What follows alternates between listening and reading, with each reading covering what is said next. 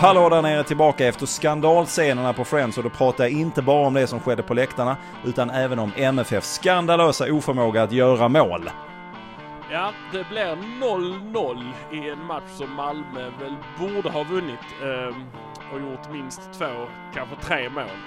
Ja, någon tittar på Thelin här. Jag, jag förstår det. Jag förstår det. Att det pekas. Det pekas fingrar. Men vi ska väl titta på alla i den här matchen. Ja, vi ska prata om Thedin och mycket, mycket annat. Eh, men de är då att innan vi gör detta och när vi gör detta, att det finns så många som kan så mycket mer om fotboll än oss två. Men vi har då en liten, liten guldkantad fördel. Det har vi. Den är eh, helt dränkt i guld är den fördelen. Och det är att eh, vi är från Malmö. kör vi detta!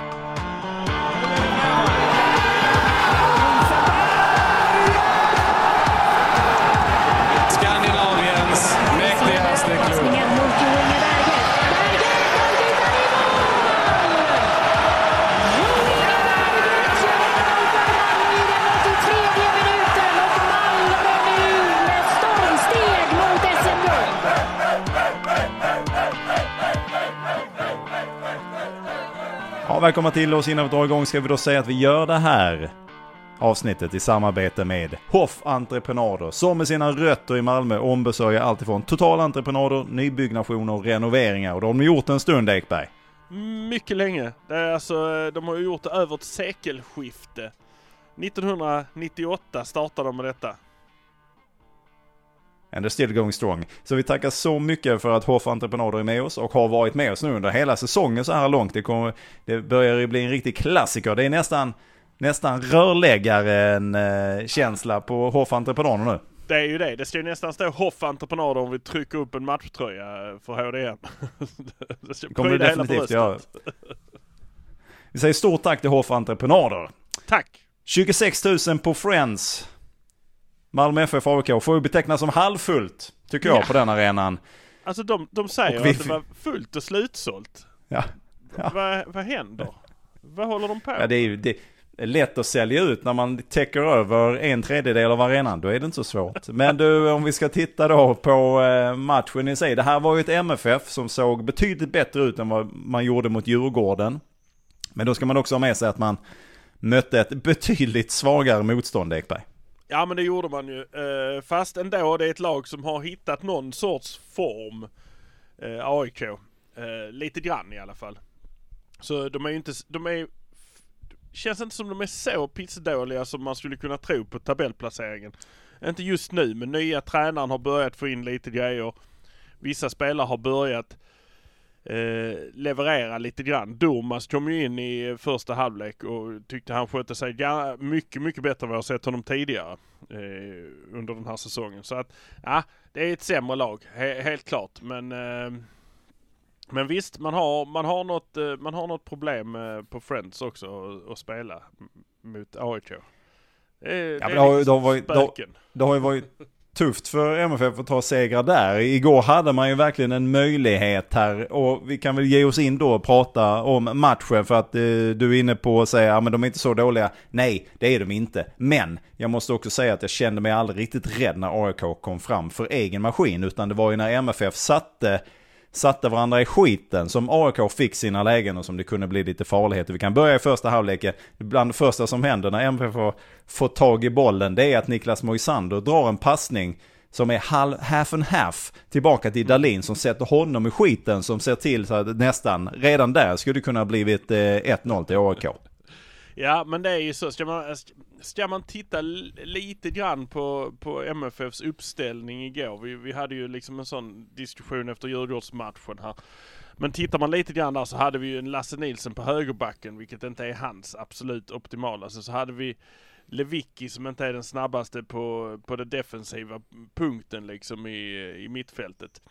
Så att, och eh, Moisander, ja han är, han är bra, eh, det är han. Men gör han ett misstag så, så kan det bli rätt så stort misstag när han gör det. Så att eh, eh jag kommer att känna mig betydligt tryggare om vi får tillbaka någon, någon härlig högerback eller får in en ny, kanske riktig högerback. Och sen så in med Cornelius på, eh, bredvid Pontus Jansson. Då, då, kommer jag liksom känna mig tryggare igen. Det var ju det, det, är det jag tycker man saknar lite grann, den tryggheten som Derek och Busanello tillförde hela våren. Att de eh, man, man var trygg, man var hur lugn som helst när de hade bollen. Man visste att de tar, plockar sig ur det eh, utan problem. Just nu, ja, Moisander är väldigt bra, men han är ju väldigt bra på att läsa spelet och gå upp och bryta och hela den här biten. Ja, men ibland så, tekniken känns inte som den är på samma nivå. Nej, och det fick vi se lite prov på där också. Jag är ju också en, ett fan av Moisander, men jag, eh, det gjorde mig livrädd. Och att det kommer från, det är sånt som vi kanske gnäller ibland på att Lasse Nilsson gör, sätter oss i de situationerna. Nu börjar han också göra det, det sprids en liten oro där. Och nu var ju inte, Cornelius kom inte ens in igår överhuvudtaget. Hur långt borta är han, eller var detta bara en säkerhetsåtgärd? Jag, bör, jag, jag, jag blir inte riktigt klok på, på hur hur Rydström tänker runt alla byten och sånt här. Jag, han har ju alltid en plan men de, de kände sig väl ändå ganska trygga bakåt utan de behövde mer kraft framåt. Det är nog den enda anledningen till att han inte kom in igår. Uh, skulle jag säga. Uh, så att uh, nej, jag, jag tror han, han, är nog, han är nog tillbaka liksom nästa, nästa match. Vi möter ett Värnamo nästa match. Då tror jag Cornelius börjar matchen. Ja men det vore väl gött om vi kunde få till det här då. Eh, alltså att vi får, får tillbaka den trygghet som man såg under våren. Nu har ju Pontus då också börjat spelas in. Nu spelade han hela matchen igår. Och ja. eh, har ju börjat få rätt många minuter i benen och börjar komma in i det. Jag pratade lite med Sydsvenskans utsände igår. Eh, om att eh, det, det, är en liten skillnad kan jag uppleva i backspelet nu när Pontus har kommit in. Pontus går inte riktigt lika långt upp i anfallsspelet. Han håller sig lite längre bak än vad vi har sett tidigare, framförallt förra säsongen. Men även den här säsongen att backlinjen har varit så förtvivlat långt upp så att man har blivit överspelad och kunnat bli överspelad. Vilket vi har fått se både förra året och även i år. Men Pontus håller sig lite längre tillbaka. Jag vet inte vad den förändringen beror på. Om det bara är någonting han själv eh, har kommit fram till eller om det är någonting som är eh, rådgjort med Rydström och kompani. Ja men det kanske är det kanske är så han spelar i Brentford också, att de är ett lag som fick ligga betydligt lägre, som inte kunde, hade den. Eh, de, de var ju inte ett Malmö FF på det sättet i Premier League som, eh, de var snarare typ ett Mjällby kanske. Som, där de inte kan ligga så högt så att han är nog mer van vid att ta den rollen. Men jag tycker inte det är fel. Jag, jag tycker han gärna kan få ligga lite längre bak där med sin, med sin erfarenhet och sin kraft. så så får han gärna göra det och så får eh, då om Cornelius kommer tillbaka här nu snart så får han gärna gå uppåt för han är ju en större anfallskraft om man ska säga. Men man såg ju att spelet satt ju bättre mot AIK än vad det gjorde mot eh, Djurgården. Man började få ihop kombinationsspelet som vanligt. Så Nanasi som nu är, ja men han är matchens lirare nästan varje vecka. Eh, tog för sig och kom förbi och har vuxit någonting helt otroligt. Och det är häftigt att se den resan kan jag tycka jämfört med hur det såg ut förra året. Hur han nu bara tar sig fram och kommer i lägen. Sen så har ju det här obehagliga börjat smyga sig in nu. Att bollarna sitter inte utan de träffar allt annat än i mål. De går utanför och går på stolpar och så vidare. Och Nanasi är en del i det också. För att han har också i sin förmåga att ta sig förbi så missar han också, tycker jag, lägena att lägga passarna. De kommer lite för sent. Han är inte ensam om detta. Det är flera som jag upplever lägger passen lite för sent och då är situationen över. Men Anasi har nu, både mot Djurgården och mot AIK, haft tillfällen där han kunde ha släppt bollen till en Isak eller vem som helst som är i närheten. För att det skulle kunna bli ytterligare farligare. Men då tappar han den någonstans eller så tar den på någon eller så skjuter han och så går den utanför. Ja men det är väl den stora skillnaden mot AC. Uh, eh, det är ju hans roll han går in och tar här ju. Uh, men AC har ju det ögat på ett annat sätt. Att han lägger ju den passen. Han, han, han kan ju det. Uh, och, eller han gör det oftare. AC går sällan ifrån en säsong med jättemånga mål. Ehm, men han har liksom, han har den här assisten i sig på, på ett mer naturligt sätt. Men ja, det kommer väl komma. Problemet blir ju som här nu som jag tyckte när man såg mot AIK att han, att eh, den inte släpptes den där sista passen utan man tog ett steg till och sen så duttade man lite grann till. Och då börjar liksom alla dra sig ihop. Så att när det väl i andra halvlek när det kom riktigt fina genomskärare bort på bortre stolpen där det bara egentligen ska stå, komma eh, en, en snubbe rusande och bara slå in den så fanns det ingen där för de hade liksom dratt sig närmare och närmare varandra. Det blir lite knattefotboll över det hela. Att man kommer, man är så trixiga och så eh, relationistiska så att man liksom kommer så nära varandra så att man, får, man tappar lite grann av det här, eh, det här jag vet inte vad man ska säga, längre spelet eller att slå en eh, att Busanello slår en boll över hela straffområdet. Där, borde, där är ytan liksom. Det är ju det man vill komma åt genom att överbelasta på en sida. Men man tappar det verkligen på andra sidan. Så att det får de väl jobba lite grann på.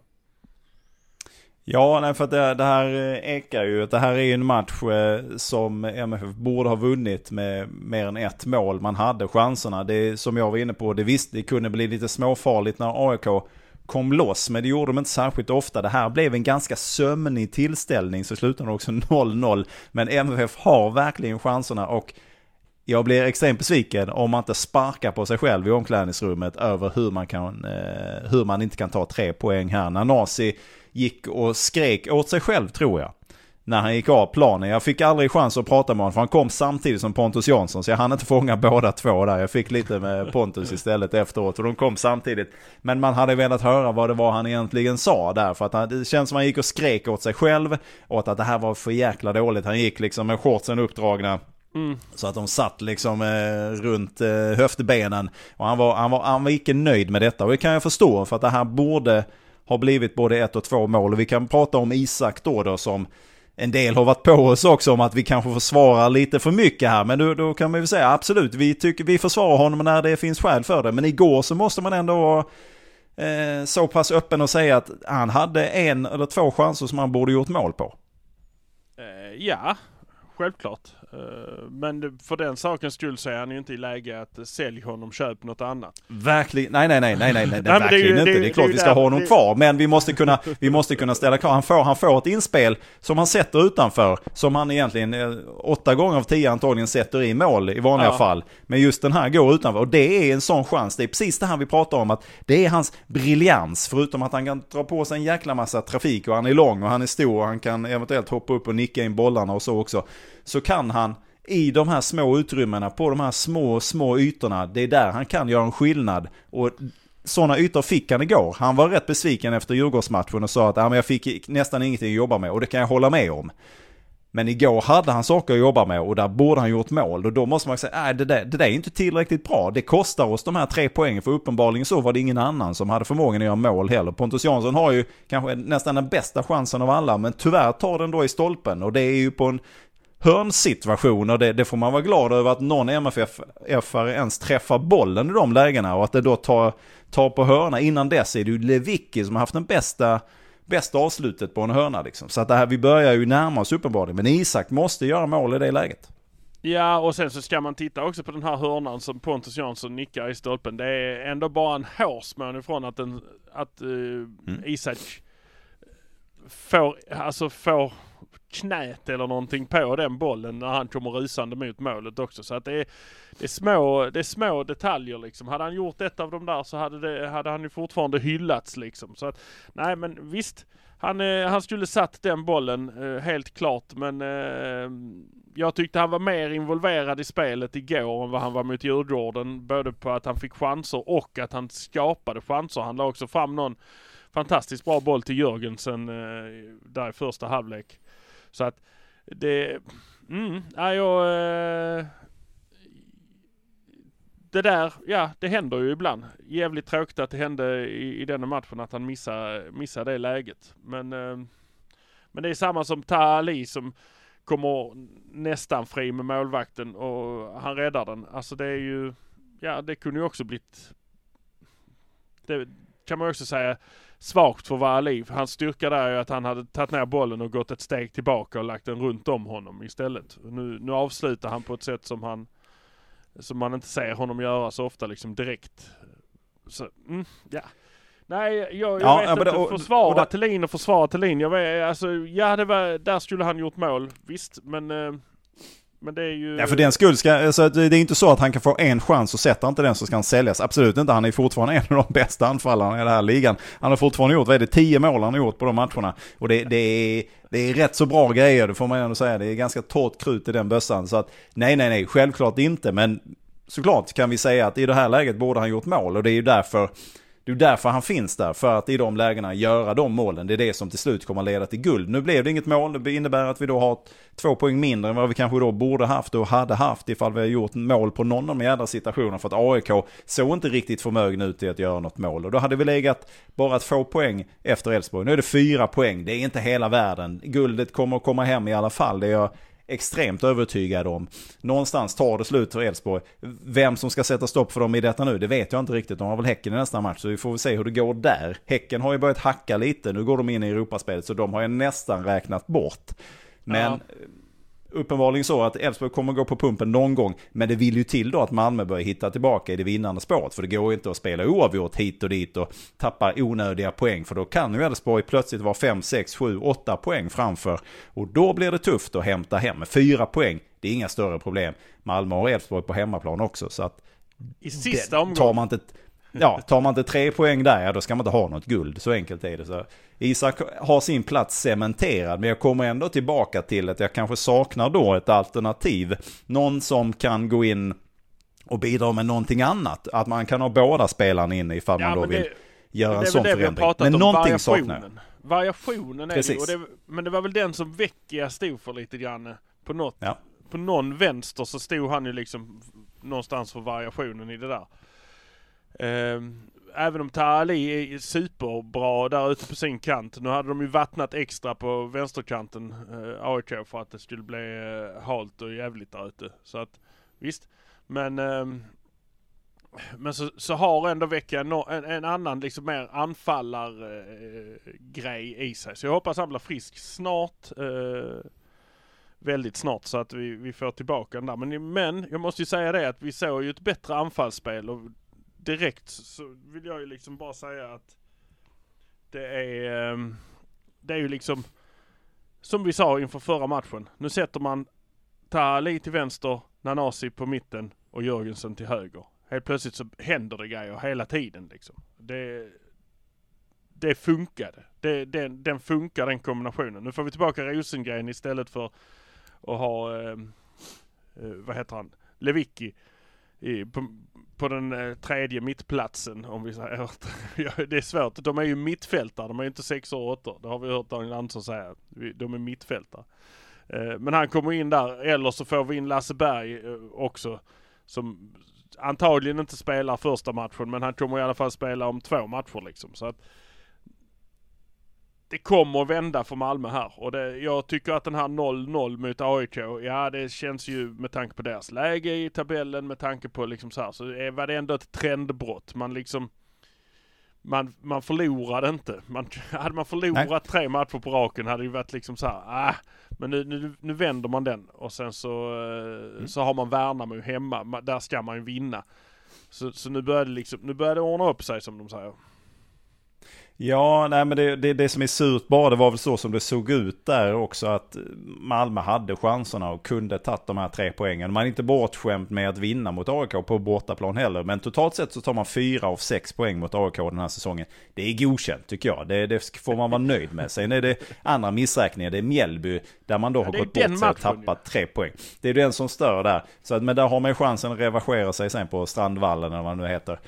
Och det får vi väl hoppas att de kan göra då i alla fall. Så att de får med sig då tre poäng därifrån för att på något sätt jämna ut detta. Men vi ska prata lite om Ali tänker jag också. För att han är ju fantastiskt titta på, njutbart på alla håll och kanter. Men jag undrar lite ifall man har börjat hitta liksom nycklarna. Han tar sig fram, men det, är, det känns som det inte riktigt samma swoosh i honom just i detta nu som det kanske var i starten av säsongen.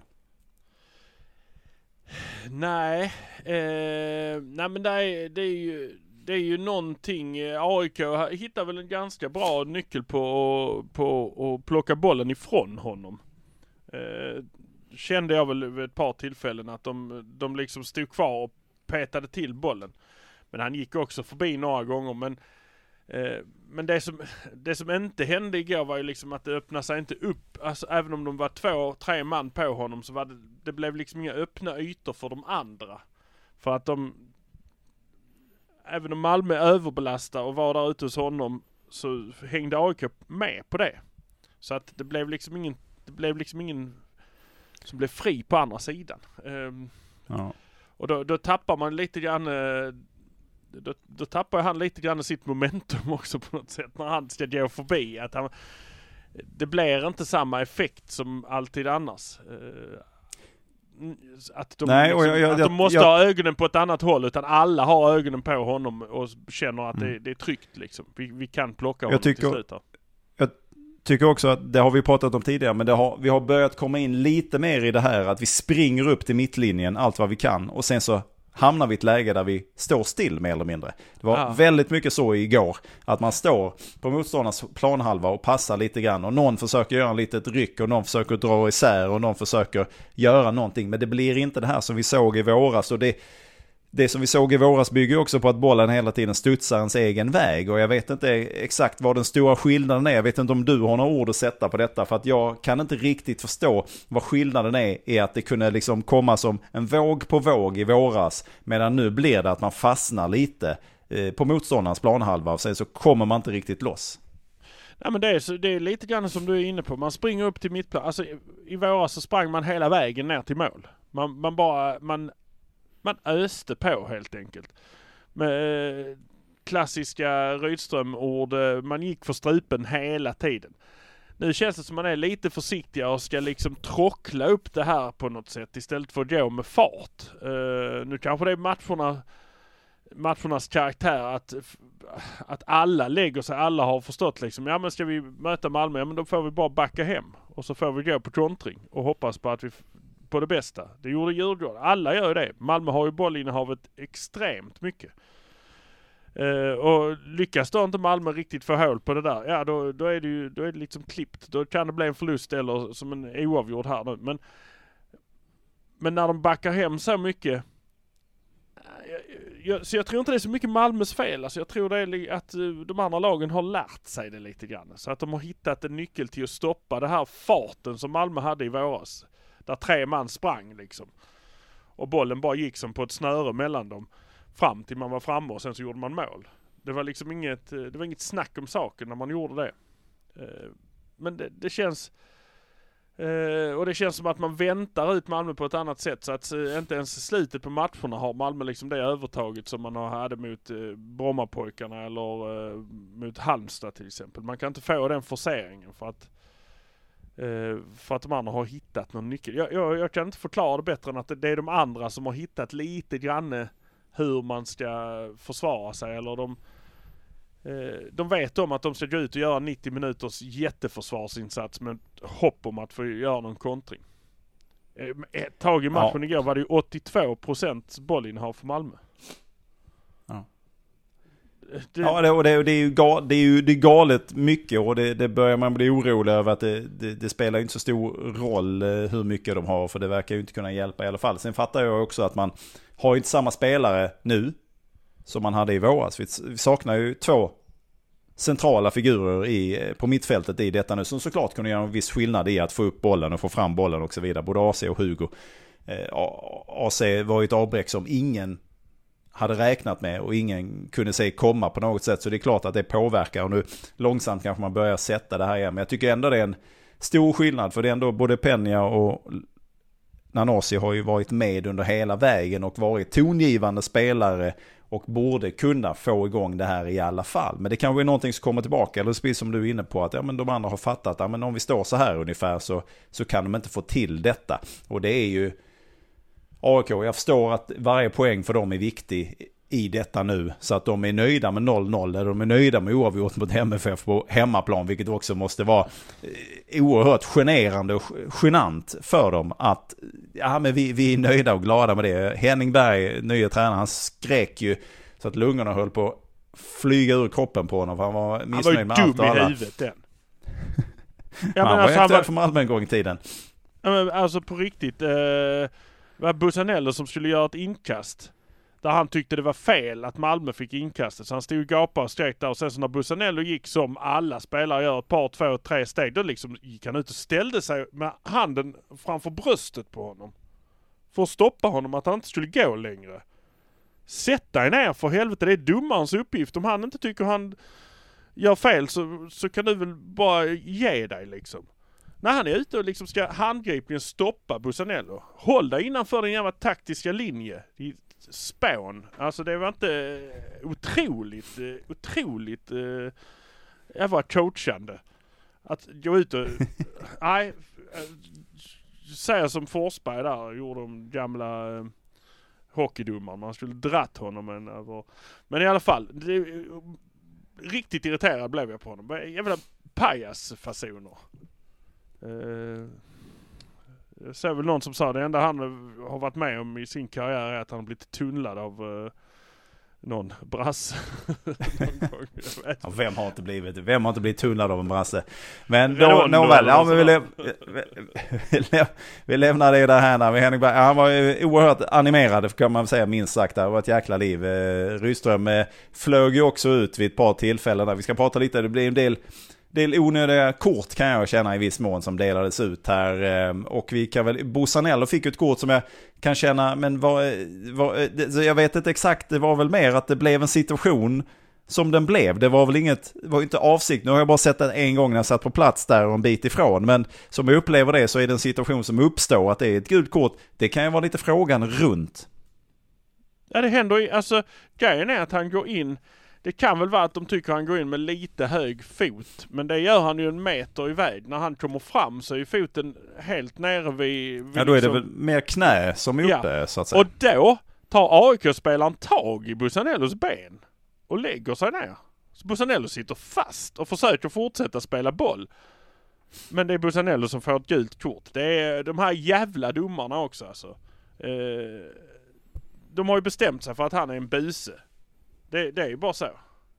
Det är helt otroligt att han inte fick straff emot sig när han enligt, alltså såg man det första gången så ser det ut som, han drar nog fan honom i axeln där. När man ser reprisen sen så ser man att han rör knappt honom, alltså han lägger så här, fingertopparna på axeln bara för liksom typ nästan känna var han är eller var han ska gå någonstans. Och då kastar han sig. Men att han inte får straff emot sig där, det är ju ett under eftersom de verkar ju verkligen tycka illa om honom. Han, han, han har ju inte något utrymme överhuvudtaget att säga något och göra någonting. Eh, otroligt tråkigt att en domarkår ska utse sådana eh, sådana syndabockar. Det är det, alltid, precis som vissa andra kommer undan med allting så har de också de som de alltid ger allting, hela tiden. Det är samma som Isak Kiese får ju aldrig med sig en frispark aldrig med sig en frispark. De puttar honom i ryggen så han liksom ramlar. Nej, nej, nej, det är upp med dig. Du är så stor och stark. Ja. Nej. Mm. Irriterad. Det, det var inte ja. lite hårt, det var helt jävla omöjligt hårt. Ja, men sen är det då, vi kan prata lite om eh, tydligare gult kort kan jag ju tycka då Penja som eh, river för kung och fosterland. Och, och det, det, kan jag tycka, det är ett gult kort. Där har vi en reaktion från Rydström från bänken som flyger upp men jag är osäker på om han, om han skäller på Penja eller om han skäller på domaren. För båda två står i, i samma linje så att säga. Så att han tittar åt det hållet. Men jag vet inte vem det är som får skrapan så att säga. Men jag tror det kan vara Penja det, som får den i det läget faktiskt. Ja men för det, för det, det, det, det känns ju mer som en onödig onödig, för där, där, ser det ut som han river och sliter och ganska tydligt hade till och med jag kunnat vifta med ett gult kort. Eh, och sen har vi då Sören Rex som kommer in och lyckas få ett gult kort. Eh, och Sören Rex är inte den som drar på sig varningar i, i, i särskild utsträckning. Det här kommer inte spela så stor roll. Sören Rex kommer inte spela så jäkla mycket. Han kommer vara en komplementspelare som kommer in lite då och då. Han har bara spelat alla matcher i år. Han har bara spelat alla matcher i år. Inte från jo, start. Men han kommer inte... Men... Nej, nej. Alla han matcher. Han är jo, men vi kommer. En... Alla matcher. en avstängning av Rex. Han fick vänta en stund. Han fick vänta en stund. Han fick vänta. Fick vänta. Och han gjorde, gjorde, gjorde det pikt tycker jag när han väl kom in. Ja, men jag håller med dig att det, det verkar vara Rydströms go-to när man på något sätt ska göra någonting. Och jag älskar Sören Rex men i det här läget så, så eh, än så länge, just nu, han hade en bra start i våras där men han har inte levererat här nu sist. Han har levererat ett gult kort men det, det jag vill komma fram till är att det kommer inte påverka oss i någon större utsträckning för att Nej. skulle han bli avstängd så finns det alternativ. Däremot är det värre med Penny och definitivt Bustanello är det ju mycket värre men nu, vad är det hans första då efter sin senaste avstängning? Är det hans andra till och med? Jag är lite osäker där. Ja. För att han är och visst, man kan ge Nanasi man of the match och det gjorde man igår också och han kan förtjäna det. Men Busanello är fasiken den bästa spelaren på planen. Punkt i nästan varje match. Så, som han, han gör ju allt. Han gör allt, fasiken. Och det som, det som hindrar honom från att få en assist igår, det är oförmågan i anfallet. Ja, ja, ja, ja men så är det ju. Men, och han plockar också in och plockar bollen av eh, AIKs anfallare när de kommer in och ska, ska liksom ta den. Det kom ju något läge där, där jag tror det var Gudetti som satte fram bollen. Men han bara går in och bara täcker ut den så att eh, uh, Dalin kan uh, gå ner och ta den, plocka den. Han bara går in emellan spelaren och bollen helt enkelt. Det där, uh, ja, han är hur bra som helst Bussanello. Men en sak. Ett, en grej som inte blev kort och det tycker jag är så himla märkligt. Det var Tali som bara sänkte en spelare. Om det var Otieno som var på väg att dra iväg ifrån honom. Eh, som han bara sänkte bakifrån bara sparka omkull. Ja, nej, nej, det, det kan hålla med. Men det kanske då, det blir sån här att Isak är för stor. Men Ali är kanske då lite för... för liten, ja. För men tunn. liksom så, ja, men jag vet inte om det är någon... Han kan inte ha gjort det. Ja, jag vet inte riktigt hur det Men det är också... Det var, jag, jag bara tänkte, ja, nej, där kommer kortet. Bara, nej. Nej. Det hade ju, men det, det hade ju jag inte, ju det, det är inte lätt att vara domare, det ska vi komma ihåg också här. Men eh, ska vi då prata, vi pratar lite om Pontus Jansson och att han ändå är så oerhört nära att sätta den här bollen. Hörnorna då, det var ju ett gäng även igår ska vi säga. Inte mindre än åtta hörnor hade MFF och det var en då som blev eh, någorlunda farlig och kunde avgjort hela matchen. Det hade också varit lite roligt och lite typiskt med tanke på hur mycket vi har gnällt på detta. Men är det så att vi ändå börjar se ett skifte och att vi kanske kan börja räkna med lite eh, fasta situationer mål nu här framåt? Har liksom Brentford-katalogen börjat tas, gås igenom så att säga? Ja, och plus en sak till. Eh, Nanasi slog alla hörnor nu. Nej, Jörgensen slog ett par faktiskt. Jörgensen, ja, Jörgensen slog, ja, ja, ja, Jörgensen slog också ett par. Men det var de som i veckan stod efter träningen och slog, eh, slog inlägg från typ en hörnposition när de andra gick av planen så stod de och slog lite sådana inlägg. Så att eh, jag tror det börjar, man börjar liksom ta åt sig det lite grann, för det är ju det det handlar om.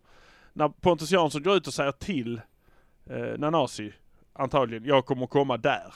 Slå den dit. Okej, okay, säger han. Och så gör han det och där kommer Pontus Jansson och den sitter i stolpen. Ja.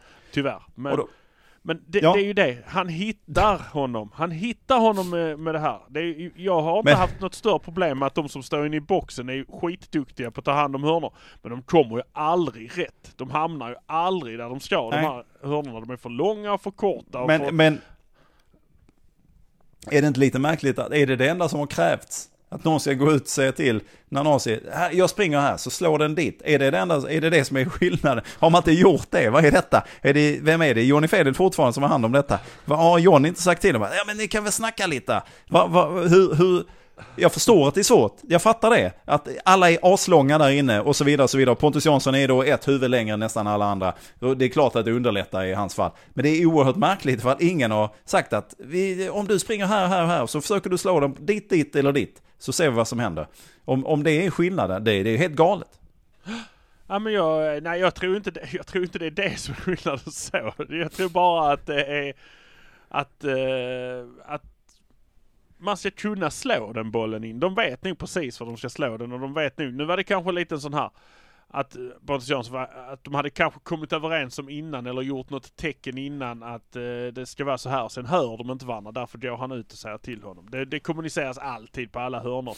Lite lur, lur och sånt här. Någon sitter ner och rättar till benskyddet och så ska han liksom, ja, vet så. Men, eh, men, men det handlar ju liksom om att träffa där man där det är meningen att man ska träffa. Och det gjorde, det gjorde, hon, det gjorde ju Nanasi igår ju. Alltså han träffade honom rakt på skallen där. Och det är där det ligger. Det, det, det är så bra. Det är där och på in, samma med inläggen och, eh, och frisparkar. Det, det är där det ligger. Det gäller att slå den på rätt ställe. Och det var bättre igår, det var det. Men eh, som mot Djurgården var de ju helt värdelösa allihopa på det. De, öh. Ja, men jag bara kastar iväg den här. Ja, okej, den landar bort över hörnflaggan. Helt annan, eh, helt annan nivå på det då. Så att jag tror det kommer. Och sen så är ju Pontus Jansson, han är ju stor och tung och duktig på att nicka. Så att det där kommer det bli bra. Så Cornelis in också. Också duktig på att nicka. Uh, nej, det, det, det, kommer bli, det kommer bli kanon. Uh, och, uh, ja, får de in någon procent Alltså höjer de alltså bara får de in... Ja, alltså den är mer eller mindre noll nu. Så att kan man bara höja den till 1% så, så kommer det göra skillnad i po ja, poängraden. Hur mycket som helst kommer det göra skillnad. Det är, men det är bara en liten nyckel. Jag tror de ska göra som de har gjort i veckan, att de får stå och slå lite bollar. Att de bestämmer. Om det nu är Jörgensen och det är Nanasi som slår dem. Ja, låt det vara det då. Låt, låt motståndaren veta att det är de som ska slå dem. Och de kommer att komma här. Och de ska inte kunna stoppa det ändå för att det ska vara så jävla bra slaget. Det är grejen. Titta på damerna, jag säger det igen. Titta på damerna. De slår dem fan på precis samma ställe varenda gång. Alla måste veta om att när hörnan kommer så kommer den där. Och så går Linnea Svensson upp och så nickar hon in den. Och ingen stoppar det ändå. För att Eh, jag går tillbaka till gamle Tapper när han var med och tog ut sin elva. Han sa alla visste, alla ritade upp innan matcherna hur vi skulle göra mål. Alla visste. Och vi gjorde det ändå. Det är så bra man måste bli på det.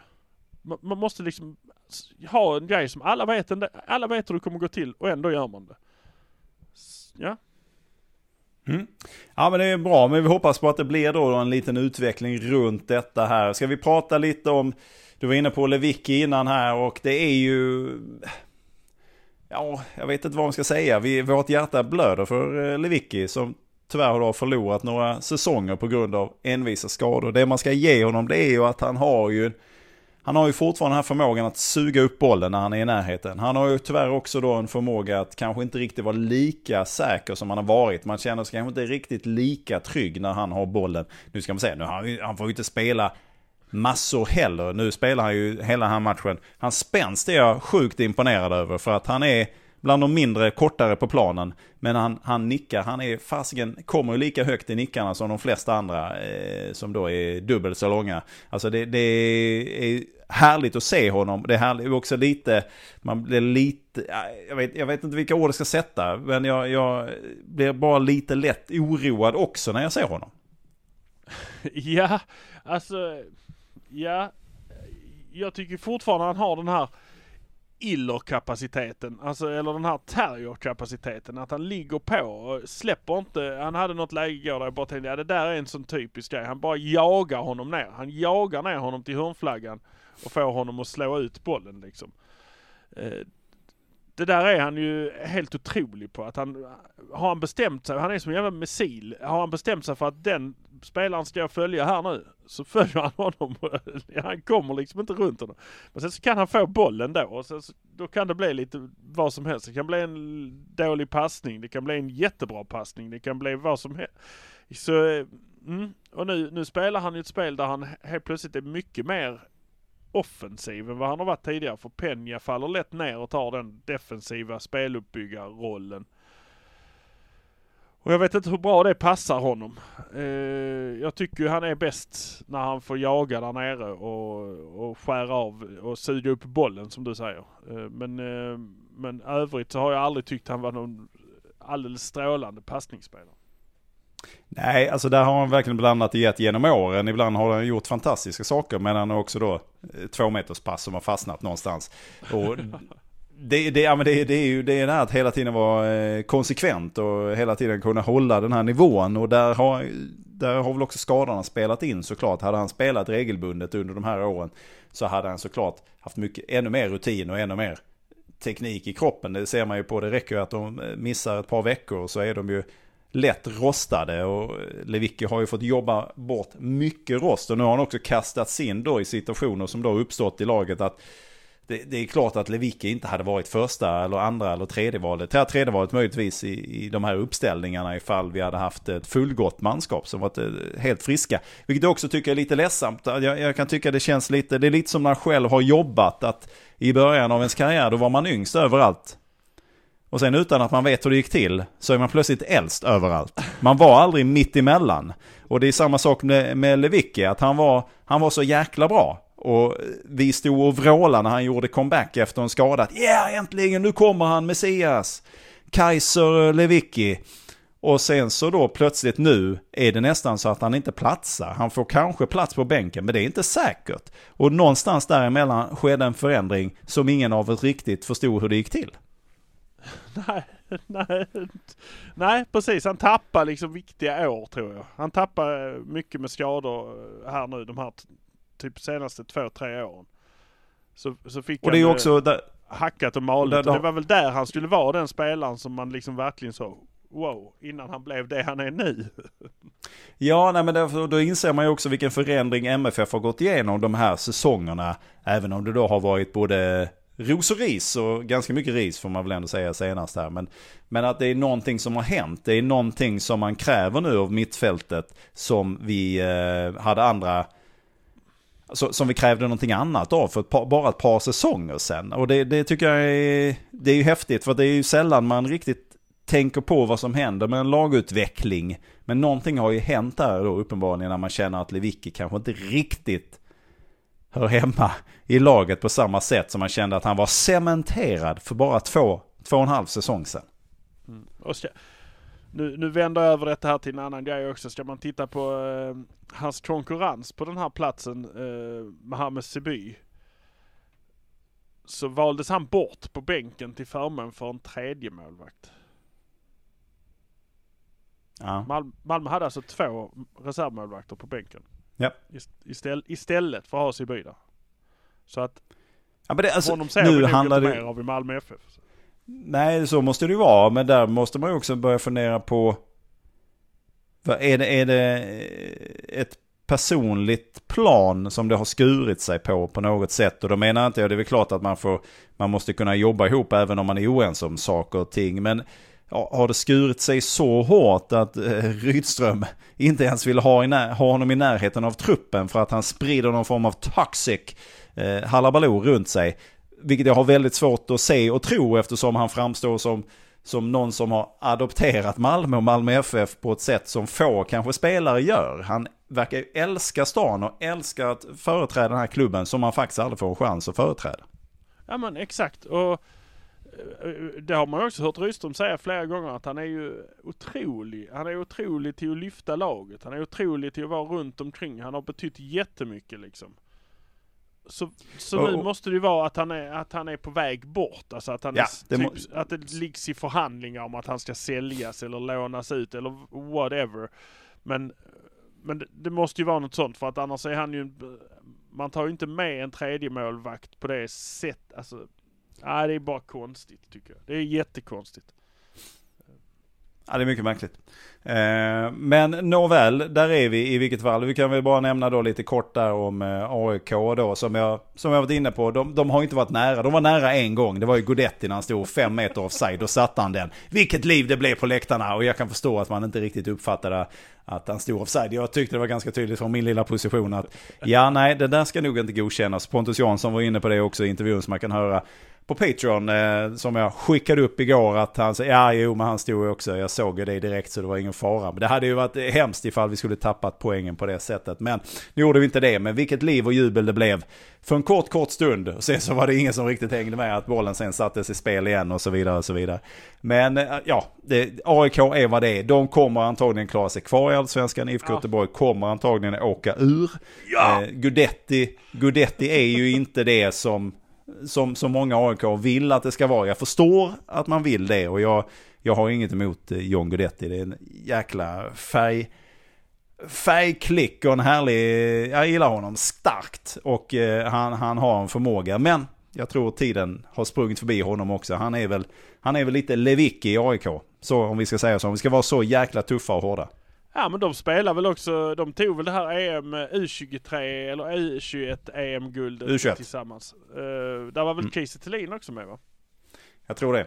Jag tror det. Uh. Nåväl, eh, ska vi då bara vända blicken mot, för att det var ju inte bara fotboll som spelades igår. Eh, utan det skedde ju en del på läktaren också. Vi ska bara röra vid det lite grann. Det är ingenting som, så det är ju, det är ju vad det är. Jag vet inte vad vi ska säga mer än att det, det är ju, det är ju kiss-kass, utedass, från båda håll. Ja, ja, det som då, det, det var ju bengaler och bangers och allt vad det heter som pågick under, under hela matchen, alltså inför eh, första halvlek och, och, så vidare. Och då, det var tifon och grejer och sådär. Och då eh, har man en speaker som, påminner om att det här så här får man inte hålla på riktigt, Pågatösse. Så här får man inte hålla på. Och sen så tar det då fyr och drivs upp några nivåer när man då på AIK-sidan bränner en MFF-banderoll med, ja eh, med, med, eh, vad, heter det, eh, vad heter de? De som man tänder, vad heter det? Bengaler. Bengalerna. Mm. Och jag, jag ska bara säga att jag blir bara så förundrad. Att man gör det där, det finns de som tar illa upp att man gör det. Och det har jag respekt för. Jag kan inte säga att jag bryr mig så jäkla mycket om att man bränner en bandroll. Jag har inte det, alltså det, den kopplingen till en MFF-bandroll, det, det, jag vet inte. Det finns signalvärden i detta som folk kanske blir supertokiga över och tycker det är hemskt. Absolut, fine, ni får tycka det. Men att man då bränner en flera, flera meter, flera, flera meter långt tygstycke på en plats där det står då tusentals människor. Även om många av dem är införstådda med att nu kommer det här att ske, nu kommer vi sätta fyr på den här, det här kommer att brinna, Sen kommer vi lägga den och så får alla backa av. Mm. Även om alla är införstådda med det så finns det oerhört mycket som kan gå snett i den här situationen. Och oerhört mycket som kan leda till stora, stora skador för, för många, många inblandade. Och det gör ju mig extremt upprörd och förbannad. Att man då inte från någon form av säkerhetshåll går in. Det var inte så att den här lätt trötte spikern som hade varit på innan matchen säger ett ljud under tiden som den här banderollbränningen pågår. Knäpptyst! Och det är inte så att det springer fram, vad jag kan se, brandmän eller säkerhetspersonal eller vad det nu kan vara för att försöka förhindra detta eller stoppa detta eller släcka detta. Det kanske sker, det kanske de som sitter närmare vad jag gjorde såg. Jag såg ingenting av detta. Utan det här sker. Och ingenting händer, det ska vi ha med oss också.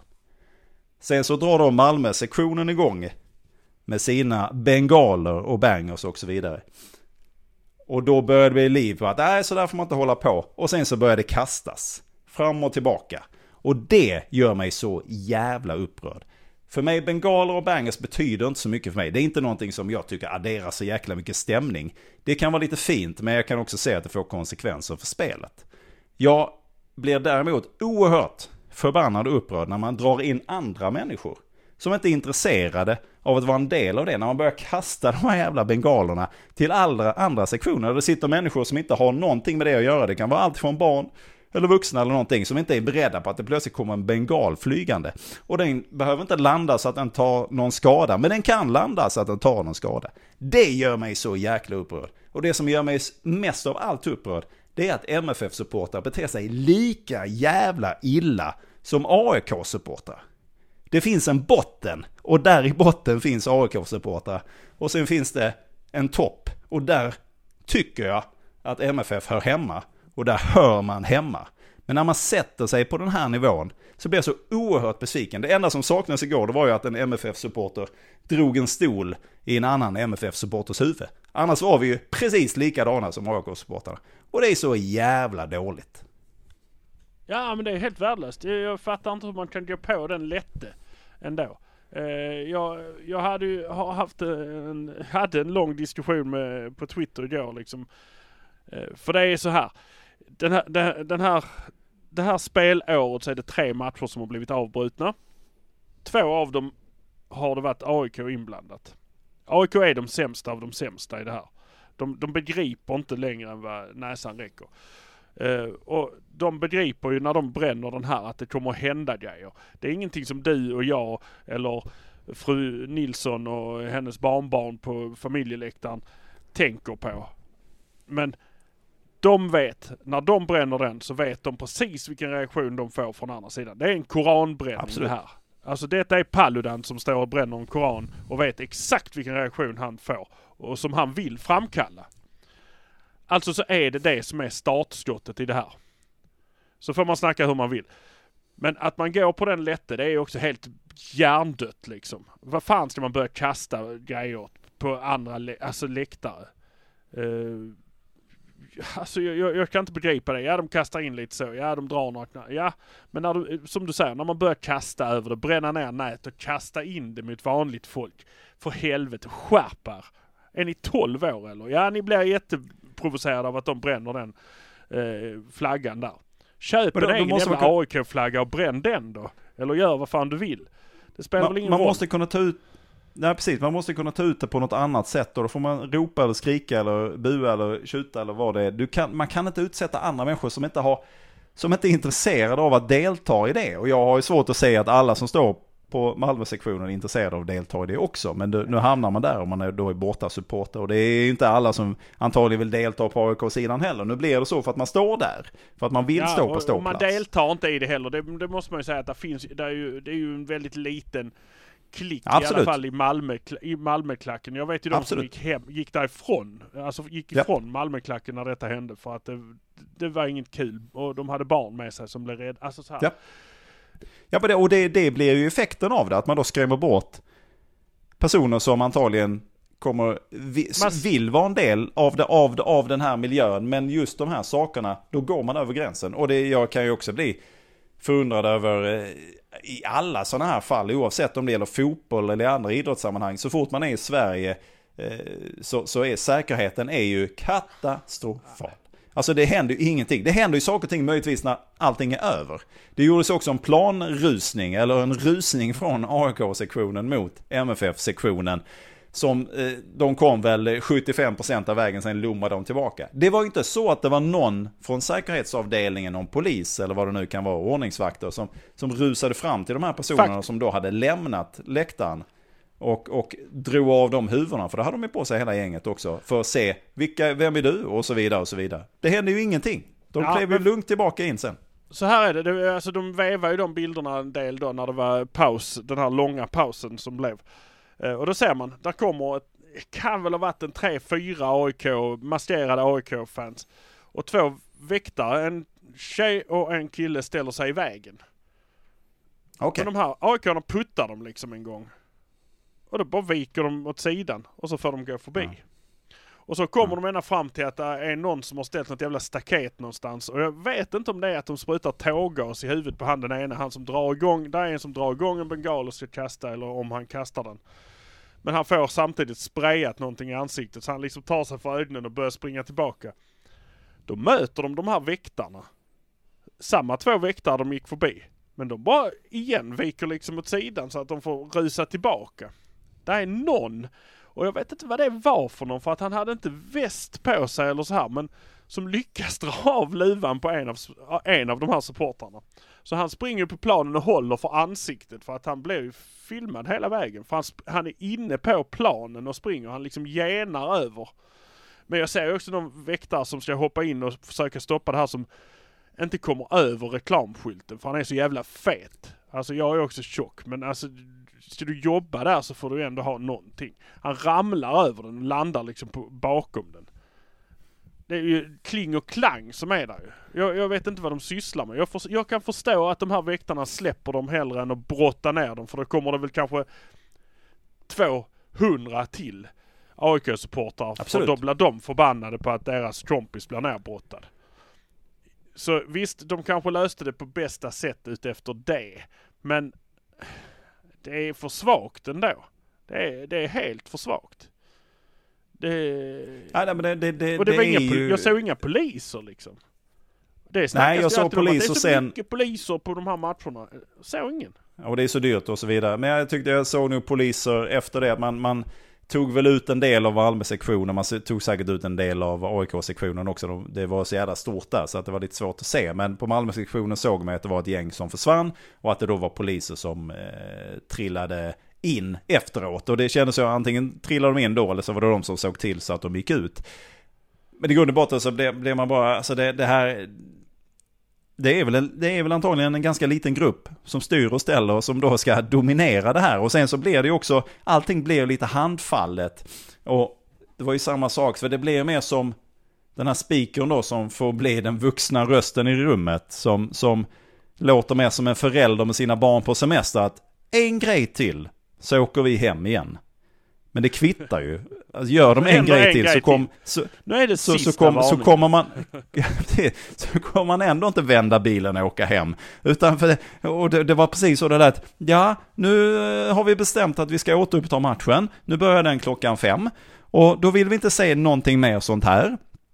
Det gick ju ett par minuter, sen började bengalerna ryka igen. Men det var ju inte, det var inte så att man stoppade någon match. För att det vill man inte heller, för det är väl för mycket pengar i det här också. Det är för mycket logistik och för mycket skit som ingen orkar dra i. Så det, det händer ju ingenting. Finns ju inga, finns ju inga konsekvenser egentligen för det här handlandet. Utan då låter man de här grupperna, som är relativt små, misstänker jag, styra och ställa. Och då, så, så är det då, i det här fallet, runt 26 000 pers som då ska sitta och vänta på detta. Och också en del då som kanske då blir traumatiserade och inte så supersugna på att gå på fotboll igen. Det är ju därför som jag också, jag undviker ganska ofta att gå på, eh, framförallt när MFF är på borta plan i Stockholm så undviker jag. För att det, jag vet att det kan bli så här. Och tyvärr mot AIK, det var ju så samma sak AIK hemma liksom. Om det var förra säsongen då när stolarna flög till höger och vänster. Ja, ja, visst.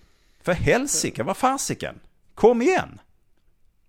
Det ja, går och... inte. Och, så, och att, att, man, att, man inte, att, att, inte, att man inte kan göra mer för att motverka detta.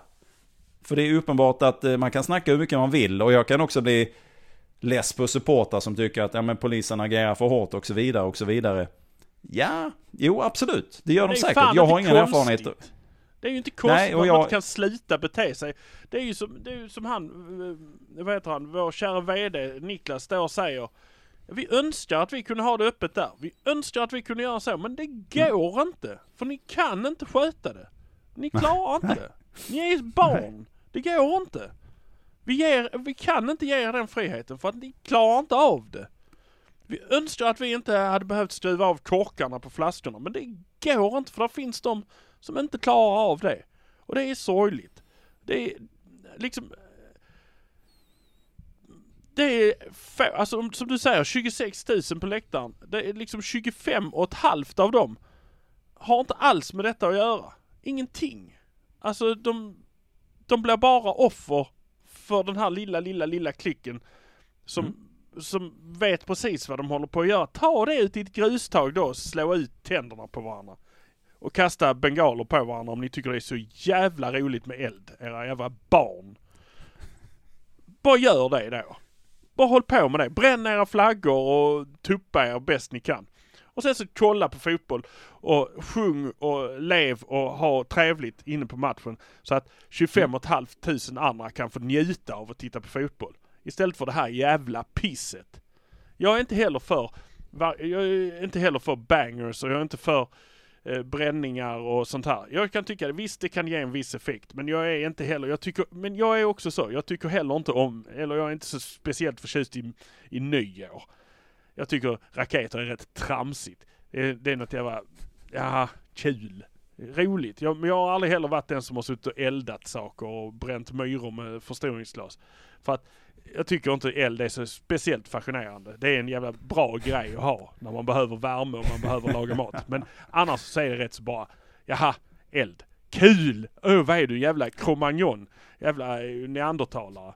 Som aldrig har sett... Eh, kolla, hjulet kommer också. Hoho, kolla vad roligt. Kan ni springa runt med däck eller någonting? Det är ungefär lika inspirerande.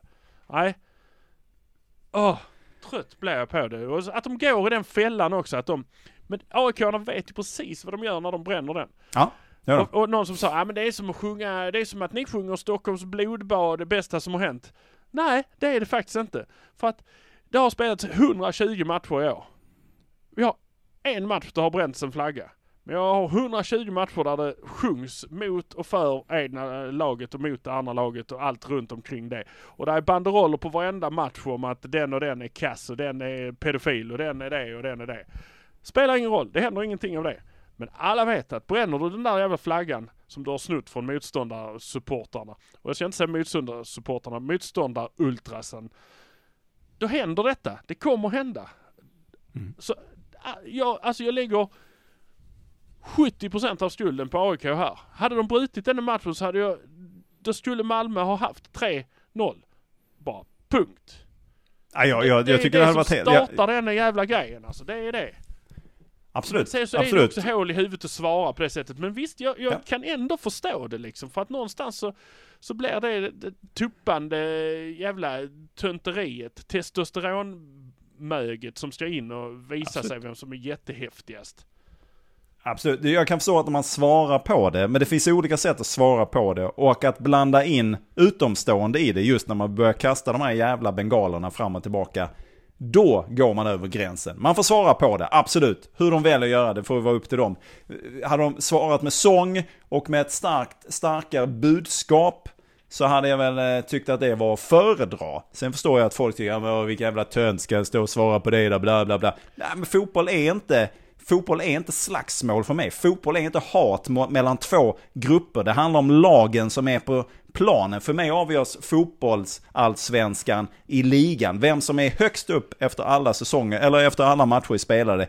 Det är det, den som är vinnaren. Vad som sker i de här grupperingarna på ståplats, det intresserar mig inte. Jag är oerhört tacksam över att supportarna på ståplats levererar en stämning som är helt fantastisk. Jag älskar när jag kliver in på Eleda Stadion och får höra sången och får höra hur de drar med mig och alla andra.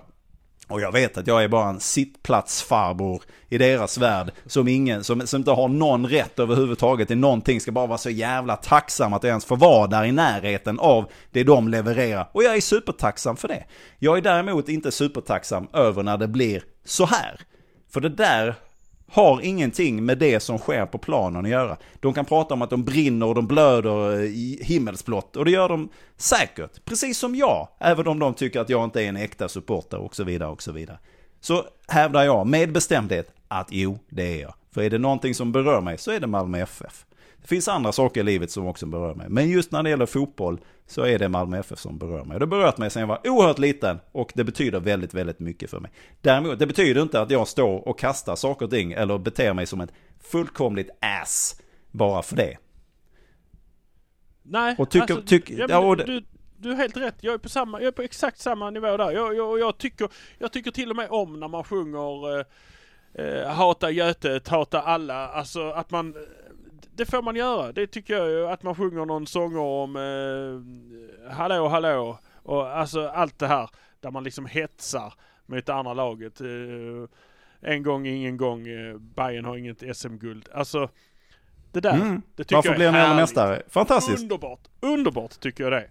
Men någonstans går det ju en gräns liksom. det går ju en gräns för att man ska hålla på att vara en röv.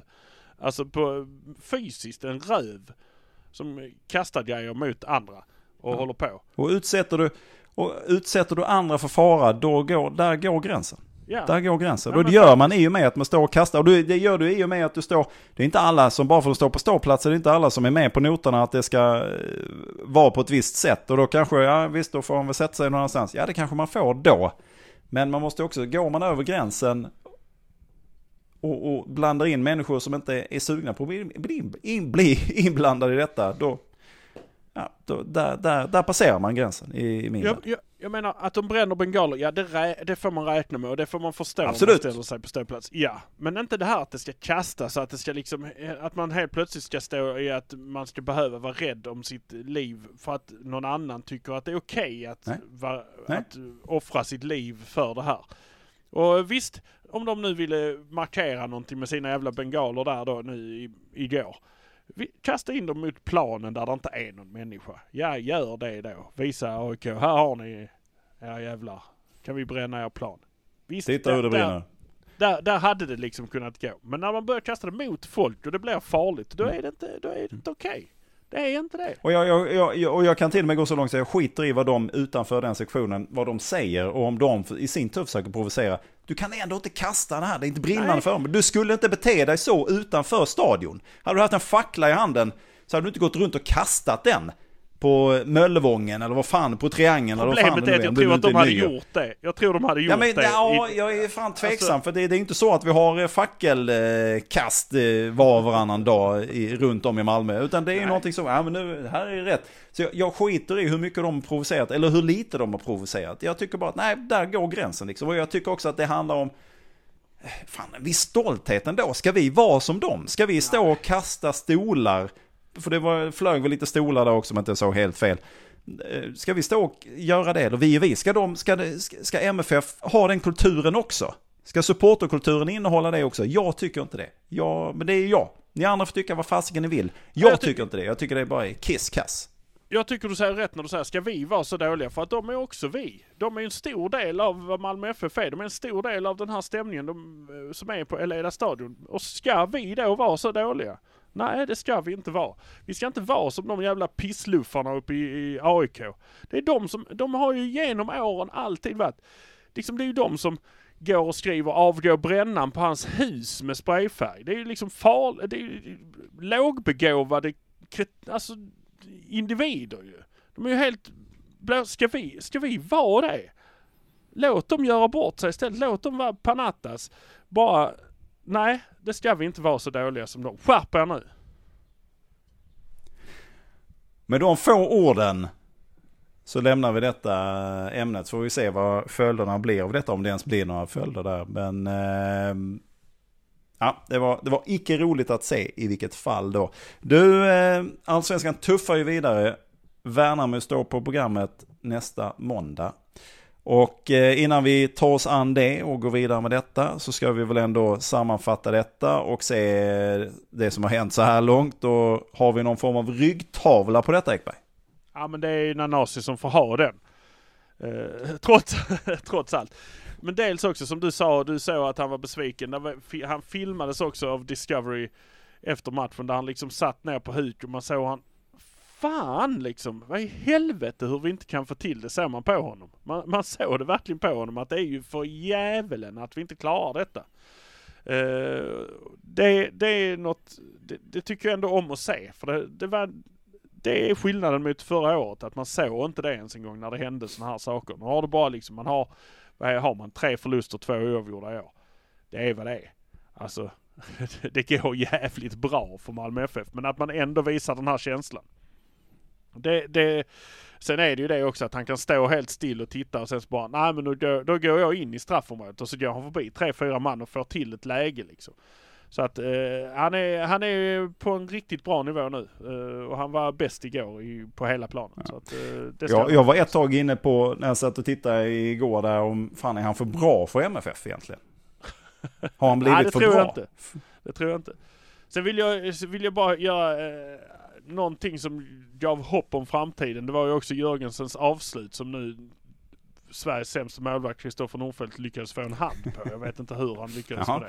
Nej, men, ja, vi har faktiskt inte nämnt honom, men eh, bra jobbat. Ja, jag tyckte det var, det var, när man ser hur han liksom får det läget med vänsterfoten och den, eh, den var värd ett bättre öde den. Den, sparken faktiskt. Så att nej, jag tycker han, eh, han, han kommer också, han kommer vara, han kommer få en ryggtavla sen framöver. Det är jag övertygad om. Han ska bara komma in lite grann till i tempot han, eh, han är inte riktigt där än i relationerna. Nej, då så. Vi ska ta en liten kik i maratontabellen. Eh, där det då, ja det har väl inte hänt någonting på topp tre egentligen. Nej, det har ju inte gjort det. Eh, tror väl också att, vad heter de, IFK Göteborg spelade oavgjort igår också. Ja, det gjorde de. Så att det är same same. så det är same same för, för det här topptrion i den. sen måste man ju lägga till här, det är ju ändå, det, det är ju något skönt med att det, vi har typ 10 poäng ner till fjärde plats. Målet för 2023 för Malmö FF är ju ändå att ta sig ut i Europa 2024. Eh, mm ingen har väl egentligen på, på kartan att Rydström ska gå in och kunna ta guldet första året. Det är ju klart man efter den här våren önskar det, men, men målet är ju Europa. Målet är ju det man missade förra året. Målet är det som man nu sitter och tittar på här, att det ska lottas vilka som ska gå i eh, olika kval. Så att eh, om man ska titta tabeller, maratontabellen, där leder ju Malmö FF stort. Eh, och nu ligger vi i alla fall topp tre i den vanliga tabellen. Så att det är jag nöjd med. Ja men bra och med detta sagt så eh, kan vi väl också tillägga att eh, vill du ha mer av Hallå där nere så kan du bli Patreon. Det blir på patreon.com hdn så kan du välja en nivå där som passar dig så får du en massa, massa härligt extra. Alltså varje vecka dyker det upp grejer där. Det är alltid från intervjuer till eh, snack efter matcher och eh, pressträffar och presskonferenser och det är ditten och datten. Ekberg, är det någonting den här veckan som du vågar eh, säga någonting om eller tar jag dig helt på sängen nu? Nej, jag vågar väl inte säga någonting rakt ut, men det är ju som så att i fredags eh, återupptog damerna sin träning eh, för kommande höst. eh, höstsäsong här. Så eh, där är ju faktiskt två väldigt spännande nyförvärv som eh, jag ska försöka få några ord med eh, under veckan mm. kanske. Ja men bra, bland annat från HBK där så pratar vi ju om eh, tidigare under våren här. Så att, eh, det blir ju spännande, spännande. Ja precis, det blir spännande. Mycket att se fram emot där. Alltså vill man då bli Patreon och stötta det här härliga HDN-familjen och bli en del av den eh, så eh, går det alldeles, alldeles utmärkt och man får rätt mycket för den lilla pengen som man lägger varje månad. Stort tack för att ni är med. Tills vi hörs igen så sar vi så och så sar vi. Hallå där nere.